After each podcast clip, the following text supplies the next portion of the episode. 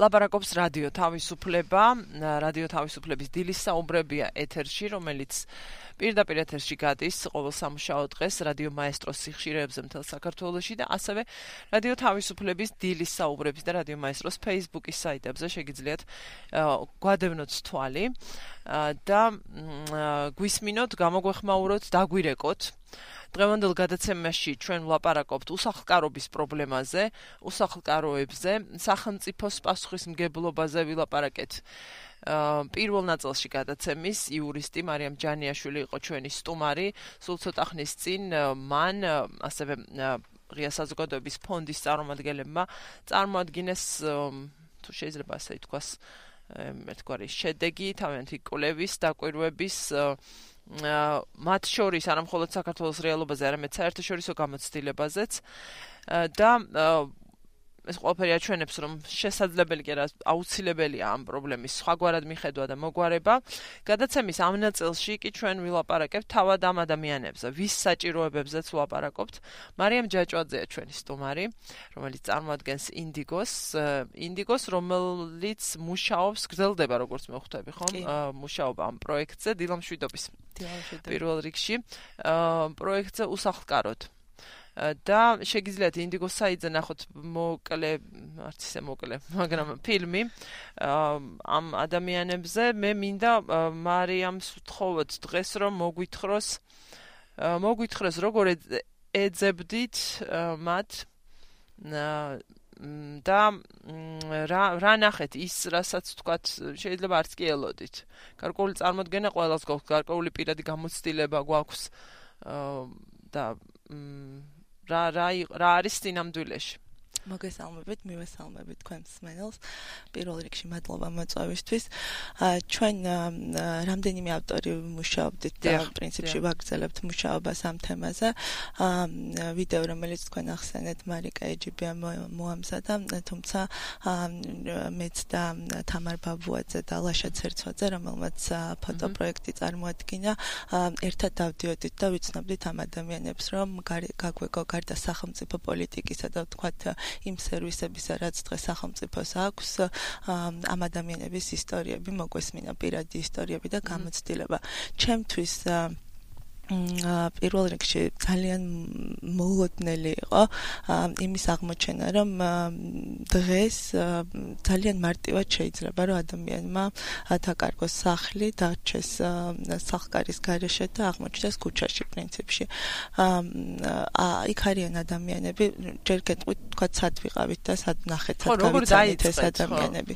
ჩვენ ვიცით რომ არსებობს სამი ტიპის საცხოვრებელი, პრინციპში ერთი ტიპის საცხოვრებელია სოციალური საცხოვრებელი, სადაც 24 საათი არის, 24 საათი შეუძლიათ ადამიანებს ყოფნა. ეს არის ლილოს თავშესაფარი, რომელიც 2015 წელს გაიხსნა, ორხევი სოციალური საცხოვრისი, სადაც ოჯახები ცხოვრობენ, ბავშვებით ლილოს თავშესაფარში განსხვავებით ორხევი საცხოვრისა არიან შეიძლება ითქვას მარტო ხელ ადამიანები, იქ ოჯახით ცხოვრება არ შეიძლება.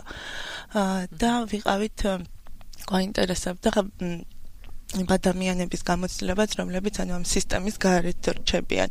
აა ესენი არიან ეგრეთ წოდებული შეჭრილები, რომლებმაც თქვათ დაუმთავრებელი შენობები ნახეს და რომელიც დღემდე სახელმწიფოს ბალანსია შევიდნენ და დაიწყეს ცხოვრება. შეიძლება ითქვას, რომ პრაქტიკულად ჭერიც არ ქონდათ იმ დაუმთავრებელ корпуსებს, რომლებიც შევიდნენ და დღეს უკვე ასე თქვათ დაამსგავსეს საცხოვრებელს, თუმცა ეს მათი საკუთრება არ არის და ელოდებიან დაკანონებას, მაგრამ ნუ ეს ჯერ ამაზე პასუხს ვერც ჯანდაცვის საერთაშორისო სამინისტრო ვერ გვცემს თქვა როგორ შეიძლება რომ ან კერძო მფლობელობაში გადაეცეთ ან თქვა იქიდან გამოასახლონ და ალტერნატიული საცხოვრებელი შეასახლონ. ძირითადად ამ ადამიანების უმრავლესობას ჯანმრთელობის პრობლემის გამო მოუხდათ სახლის გაყიდვა. ყოველ შემთხვევაში ჩვენ ვისაც ველაპარაკეთ ძალიან ისეთი სამბეჭდავი ისტორიები აქვს ჩვენ გავიცანით მაგალითად ადამიანი რომელსაც რომელსაც რომელსაც მაგალითად ნოდარ ღვინიაშვილი მაგალითად რომელიც დამამახსოვრდა რომელსაც საკმაოდ წარმატებული კარიერა ჰქონდა გორის თეატრის მსახიობი იყო და მაშინ როცა შულს დაუდგინდა სიმსივნე სასტრაფო ოპერაცია დასჭირდა და მოხდა სახლის გაყიდვა შულიც გარდაეცვალა სახლიც აღარ დარჩა და მოუწ პოლიცია რამდენიმე ღამის ქუჩაში გათევა პატრულმა იპოვა როგორც თვითონ ყვება და შესთავაზა ლიլოს თავშესაფარში გადასვლა და ის უკვე მე მგონი 2 წელია უკვე ლილოს თავშესაფარშია. აი მაგალითად გავიცანით ლილოს თავშესაფარში მარინა კაჭარავა რომელსაც ჰქონდა 24 წლიანი მუშაობის გამოცდილება პროფესიით მათემატიკოსია, ერთ-ერთ კვლევით პროექტში თბილისის სახელმწიფო უნივერსიტეტში. მასაც შვილის ოპერაციის გამო მანაც გაყიდა სახლი. ის ქუჩაში არ დარჩენილა, რამდენიმე თვე ათევდა ნათესავთან მეგობართან, მაგრამ როდესაც თქვა შეიტანა განაცხადი მერიაში, რომ სჭირდებოდა სახლი და ეს სტატუსი უსახლკარო სტატუსი მიიღო, უკვე ლიլოს თავშესაფარი შესთავაზეს და გადაიყვანეს. ერთი რაც უნდა ითქვას და ასეთი ადამიანი უამრავია, რომელსაც საკმაოდ შეიძლება მიზეთი სამსახურის კარიერაც ჰქონდა, მაგრამ რაღაც მიზეზების გამო და ეს მიზეზები შეიძლება ეს მხოლოდ არ არის ცხადია ჯანმრთელობის პრობლემა, ეს არის ზოგჯერ ბანკის ეს ვალდებულებებს, რომელსაც ვერ ასრულებენ და შემდეგ ბანკი უყიდის სახლს და საკმაოდ კატეგორიზაცია პრინციპში ანუ ჭრელია იქ მყოფი ადამიანების გამოცდილება. აა ხო, სწორედ ამით ამით დავიწყე დღევანდელი გადაცემა, ამაზე ამის ხაზგასმით, რომ ეს არის იმ ტიპი ისეთი მდგომარეობა, რომლისგან დაზღვეულის არავინ ვართ და ამიტომ არის მნიშვნელოვანი ამის გააზრება მნიშვნელოვანია, რომ დავინახოთ უკეთესად ეს ადამიანები ასე ვართ მოწყობილი. რას ვიზამთ ადამიანები არაერთ სხვა პრობლემაზეც გვიწევს ხოლმე საუბარი ამ ეთერებში რომელზეც ასევე შეინიშნება საზოგადოებაში გარკვეული როგორც თქვა დისტანცირება არის რაღაც გამოწვევები ადამიანთა ადამიანების იქნება ეს ჯანდაცვის თუ ამ ტიპის რაზეც ახლა ვლაპარაკობთ უსახლკარობაზე რომლისგანაც არ ვიცი თავის დაცვის გზა არის ეს თუ რა მიფიქრე ხშირად და რაღაცნაირად დისტანცირებას ვცდილობთ თუმცა იმის გააზრებით რომ ამისგან დაცული არავინ ვართ იქნება უკეთესად დავინახოთ.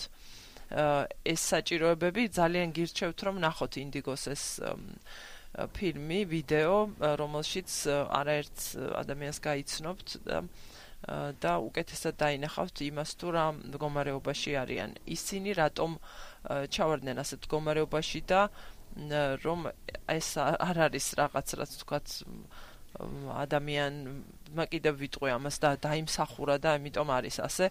არავის არავინ იმსახურებს ასეთ მდგომარეობას და ასეთ პირობებში ცხოვრებას. და პირველ ნაწილში ჩვენ სახელმწიფოს პასუხისგებლობაზე ვლაპარაკობდით თუმცა თუ კი არ იქნება ესეთი ძლიერი დაკვეთა საზოგადოებისგან მე ასე მგონია გარკვეულ საკითხებზე როგორი საერთაშორისო ვალდებულებებიც უნდა ჰქონდეს პოლიტიკოსები რაღაც მაინც ისეთ თემებს მისდევენ და ხარჯავენ დროს, რაზეც რითაც მეტის ყურადღებას მიიპყრობენ და რაღაც ეფექტს მოახდენენ. ასე ჩანს ყოველ შემთხვევაში. დილამშვიდობის მსმენელი ხაზ. ეთერში ხართ გისმენთ. დილამშვიდობის. გესმით ჩემი ხმა? შეიძლება აღარ დაგველოდა გაგვიგზელდა შეიძლება რა დავამატო. აუცილებლად ხო დრო აუცილებლად უნდა გამოვიყენოთ ეფექტიანად ისე აა კიდევ ერთი საერთო რაც ამ ყველა ისტორიას ქონდა იყო ის რომ ადამიანები აა იქამდე სანამ მოხვდებიან ან ლილოს თავშესაფარში ან ორხევის საცხოვრისში ან დიღომში აა ძალიან ბევრი ბინა აქვთ ქირით გამოცვლილი. აი გადადიან თქვათ ერთი მისამართიდან მეორეზე და ამას ყვებიან ძალიან ჩვეულებრივად თქვათ როგორ გადა გადადიან ისნიდან სამგორში, სამგორიდან ფონიჭალაში, ფონიჭალიდან ნავთლუხის ქუჩაზე და აი ამ მოგზაურობის დროს თუ შეიძლება ასე ითქვას, როგორ კარგავენ საკუთარ ნივთებს, პერსონალურ ნივთებს, რომელიც ერთი სახლიდან მეორე სახლში გადააქვთ და უკვე აი ამ საცხოვრში მიდიან ერთი ჩანთით და ძალიან თვალში საცემი იყო რომ იქამდე სანამ მოხვდებია როგორ ვერ ხედავ სისტემა ამ ადამიანებს ანუ უსახკარო არ არის მხოლოდ ის ვისაც თქვა იმ წუთში ჭერი არ აქვს ხო უსახკაროდ არის ადამიანი რომელიც ან რისკის წინაშე დგას და თქვა ხვალანზე შეიძლება დარჩეს ღიაცის ქვეშ. ამიტომ მანამდე იმდენად დაფარულია ეს ყველაფერი რომ აი ეს ქირით გადახდილი თანხა შეიძლება ითქვას რომ სახელმწიფოს მხრიდან არარაციონალურად გაღებული თანხა თუ ცოტა ისეთ დიდ სურათში, დიდ კონტექსტში დავინახავთ, იმიტომ რომ ეს ოჯახები ვერც ძლიერდებიან იმ შემთხვევაშიც კი, როცა თავშესაფარში არიან, იქ ნახეთ ადამიანები, რომლებიც სამი წლის წინ შესახლდნენ და კიდევ ბევრი წელი იქიდან ვერ გამოვლენ. თქვათ ვერ ძლიერდებიან, ვერ ვითარდებიან და ამიტომ ეს დროებითი საცხოვრებელი, რომლის არსიც არის, რომ იქ ადამიანი დროებით უნდა იყოს და შემდეგ გადავიდეს, თითქოს არ ჩანს ეს პერსპექტივა. მარიამ ჯაჭვაძეს უსმენთ. ჩვენ რადიო თავისუფლების დილის საუბრებში ის ინდიგოს წარმოადგენს, წარმოადგენს ჯგუფს ასევე ამ კონკრეტულ შემთხვევაში ჯგუფს პროფესიონალებისა, რომლებიც მუშაობენ პროექტზე, უსახლკაროდ ეს პროექტი ღია საზოგადოების ფონდის დაფინანსებით ხორციელდება და შეეხება უსახლკარო ადამიანებს, მათ ამბავს, მათ ისტორიებს რომლებიც განსხვავებულია, ზოგი შეიძლება რაღაცით გავდეს ერთმანეთს და მნიშვნელოვანია იმ თვალსაზრისით, რომ ეს პრობლემა ადამიანებმა საზოგადოებამ უკეთესად დავინახოთ. ძალიან ცოტა დრო გრჩება გადაცემის დასრულებამდე 2988327-ია ჩვენი ტელეფონის ნომერი თუ კი გსურთ მოსაზრების ან გაზიარება ან შეკითხვის დასმა შეგიძლიათ დაგვირეკოთ 2988327-ზე. თქვენ და არ არ ხო რა თქმა უნდა რთული არის ასეთ ამბავზე მუშაობა რომელიც არა მხოლოდ უნდა ნახო არამედ უნდა გადმოსცე შემდეგ და მოუყვეს სხვას. ბუნებრივია ფიქრი იყო ასეთი რომ როცა ასეთ ვითარებაში ყოფ ადამიანს ხედავ არის შესაძლებელი მისი დახმარება უკეთესად თუ არ არის. მე მესმის თქვენი იურისტი არ ბზანდებით და თქვათ პირველი ნაწილის სტუმარი მარიამ ჯანიაშვილი სხვაგვარად განმარტავდა ამას, მაგრამ აი მაინც რა რა საადამდე მიხვედით ამ ფიქრებით. გამოსავლის თვალსაზრისით. აა იცით დღეს არსებობს ჯგუფი ჯანდაცვის სამინისტროს ხელმძღვანელობით, რომელიც მუშაობს სტრატეგიაზე, რომელმაც უნდა განსაზღვროს პოლიტიკა. თქვათ, თბილისის მერიას ამ საცხოვრისებს, რომელზეც ახლა მე გელაპარაკეთ, ეს არის მხოლოდ თბილისში და ამას ხელმძღვანელობს, ასე ვთქვათ, ქალაქის ხელისუფლება. საქართველოს მასშტაბით თუ ვიმსჯელებთ მუნიციპალიტეტებში განსხვავებული მდგომარეობა და პრინციპი პრინციპში არც ვიცით ხო პოლიტიკის დონეზე ვინ რა გადაწყვეტილებას იღებს მუნიციპალური. ეს არ არის სისტემის ნაწილი სისტემური ხედვა ჯერჯერობით არ არსებობს. ზუსტად ამიტომ ალბათ პირველი არის აი ამ სურათის კარგად დანახვა და შესწავლა საქართველოს მასშტაბით რა მდგომარეობა, რამდენი უსახკარო ყავს და ვის რა სჭირდება. იმიტომ რომ შეიძლება ადამიანს 24 საათიანი საცხოვრებელი არ სჭირდებოდეს და სჭირდებოდეს მხოლოდ ღამის გასათევი. ან სჭირდებოდეს მხოლოდ დღის ცენტრი, სადაც თქვათ ყვების შესაძლებლობა ექნება. ანუ ეს სხვადასხვა ტიპის სერვისი რომ გქონდეს, უნდა იცოდე რამდენი ადამიანი ყავს ასეთი და ვის რა სჭირდება.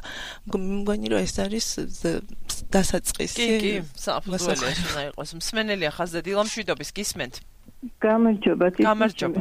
კი ბატონო, გვესმის კარგი. აი თქვენ უსახკაროთა ჯგუფებს ლაპარაკობდით და მინდა გითხრათ რომ კიდევ ერთი ძალიან დიდი და მნიშვნელოვანი ჯგუფი არის უსახკაროების. ეს გახლავთ ის ხალხი, რომლებიც სამშენებლო კომპანიებმა წლების წინ გამოიყვანეს ბინებიდან. დიახ. და იცით აი თავის ვალდებულება აღარ შეასრულეს. მოგხსენებათ ქალაქში არის უამრავი ჩონჩხი ასე ვთქვათ, მაღალსართულიანი სახლებისა. ხომ? აი ვერაზე გნებავთ რაღაც სხვა უბნებში. პრობლემის აი აშკარა რომ ის სამშენებლო კომპანია იმას ვეღარ დაასრულებს. ეს ხალხი ქირით აღავს თითქოს გაყვანილი. ზოგს უხდიან აქვს ქირა ზოგს არ უხდიან. საშინო საცხოვრებელ პირობებში არიან. და აი ან მერიამ ან ვინმემ რაღაც ნუ არ უნდა იყოს რაღაც პასუხისმგებლობა რაღაც რეგულაცია არ უნდა არსებობდეს რომ დაუშვათ ცხადია უკვე რომ ის სამშენებლო კომპანია ამას ვერ დაასრულებს ვერასოდეს ხალხი ათეულწლობით არის ქუჩაში. კი ბატონო, კი, კი, მართალი ბრძანდებით. ხო, არის ეს პრობლემა, რა თქმა უნდა. დიდი მადლობა ზარისთვის, დიდი მადლობა რომ შეწუხდით და დაგვირეკეთ. ხო, ესეც ერთ-ერთი მიზეზი არის. ხო, არ ვიცი, რამდენად თქვენ შეგხვდათ ამ პროექტზე მუშაობისას ასეთი ადამიანი. აა, ჩვენ ასეთი ადამიანი არ შეგხვდით, თუმცა თუ ქირით არიან, თქვა იმ სერვისებში ვერ მოხდებოდნენ, რასაც თქვა კალბატონი ამბობდა. მაგრამ ესეც ერთ-ერთი კატეგორია, ამიტომ ვამბობ, რომ უსახკარო არის, რომელსაც დღეს არ აქვს, ახლა ქირით არის, მაგრამ ხვალ ვეღარ შეძლოს ამ ქირის გადახდა და დარჩეს ქუჩაში. და მნიშვნელოვანია რომ ამ ეს სერვისები მართლაც არ იყოს უსასრულო იმ ადამიანებისთვის რომლებსაც აქვთ გარკვეული რესურსი რომ თქვათ რესურს გულისხმობ განათლებას გამოცდილებას და ასე შემდეგ რაც ეფექტიანად უნდა იყოს გამოყენებული მათივე მათივე პირობების გაუმჯობესებისთვის და იმისთვის რომ ის მუდმივად არ დარჩეს აქ და თუ კი ჩვენ გვესმის ეს დროებითი საცხოვრისები არსად არის საუკეთესო ადგილი ცხოვრებისთვის არც ერთ ქვეყანაში ყველაზე განვითარებულშიც ასე რომ მნიშვნელოვანია მათთვის არსებობდეს პერსპექტივა და გამოსავალი. ძალიან დიდი მადლობა უნდა გითხრათ მობრძანებისთვის, დრო ჩვენი ამოიწურა. რადიო თავისუფლების დილის საუბრების სტუმარი იყო მარიამ ჯაჭვაძე, რომელიც დღეს აქ ინდიგოს რედაქციას ჯგუფს წარმოადგენდა ჟურნალისტების, რომლებიც მუშაობენ პროექტზე უსახლკაროდ. დღევანდელი გადაცემა უსახლკაროებს ეძღვნებოდა.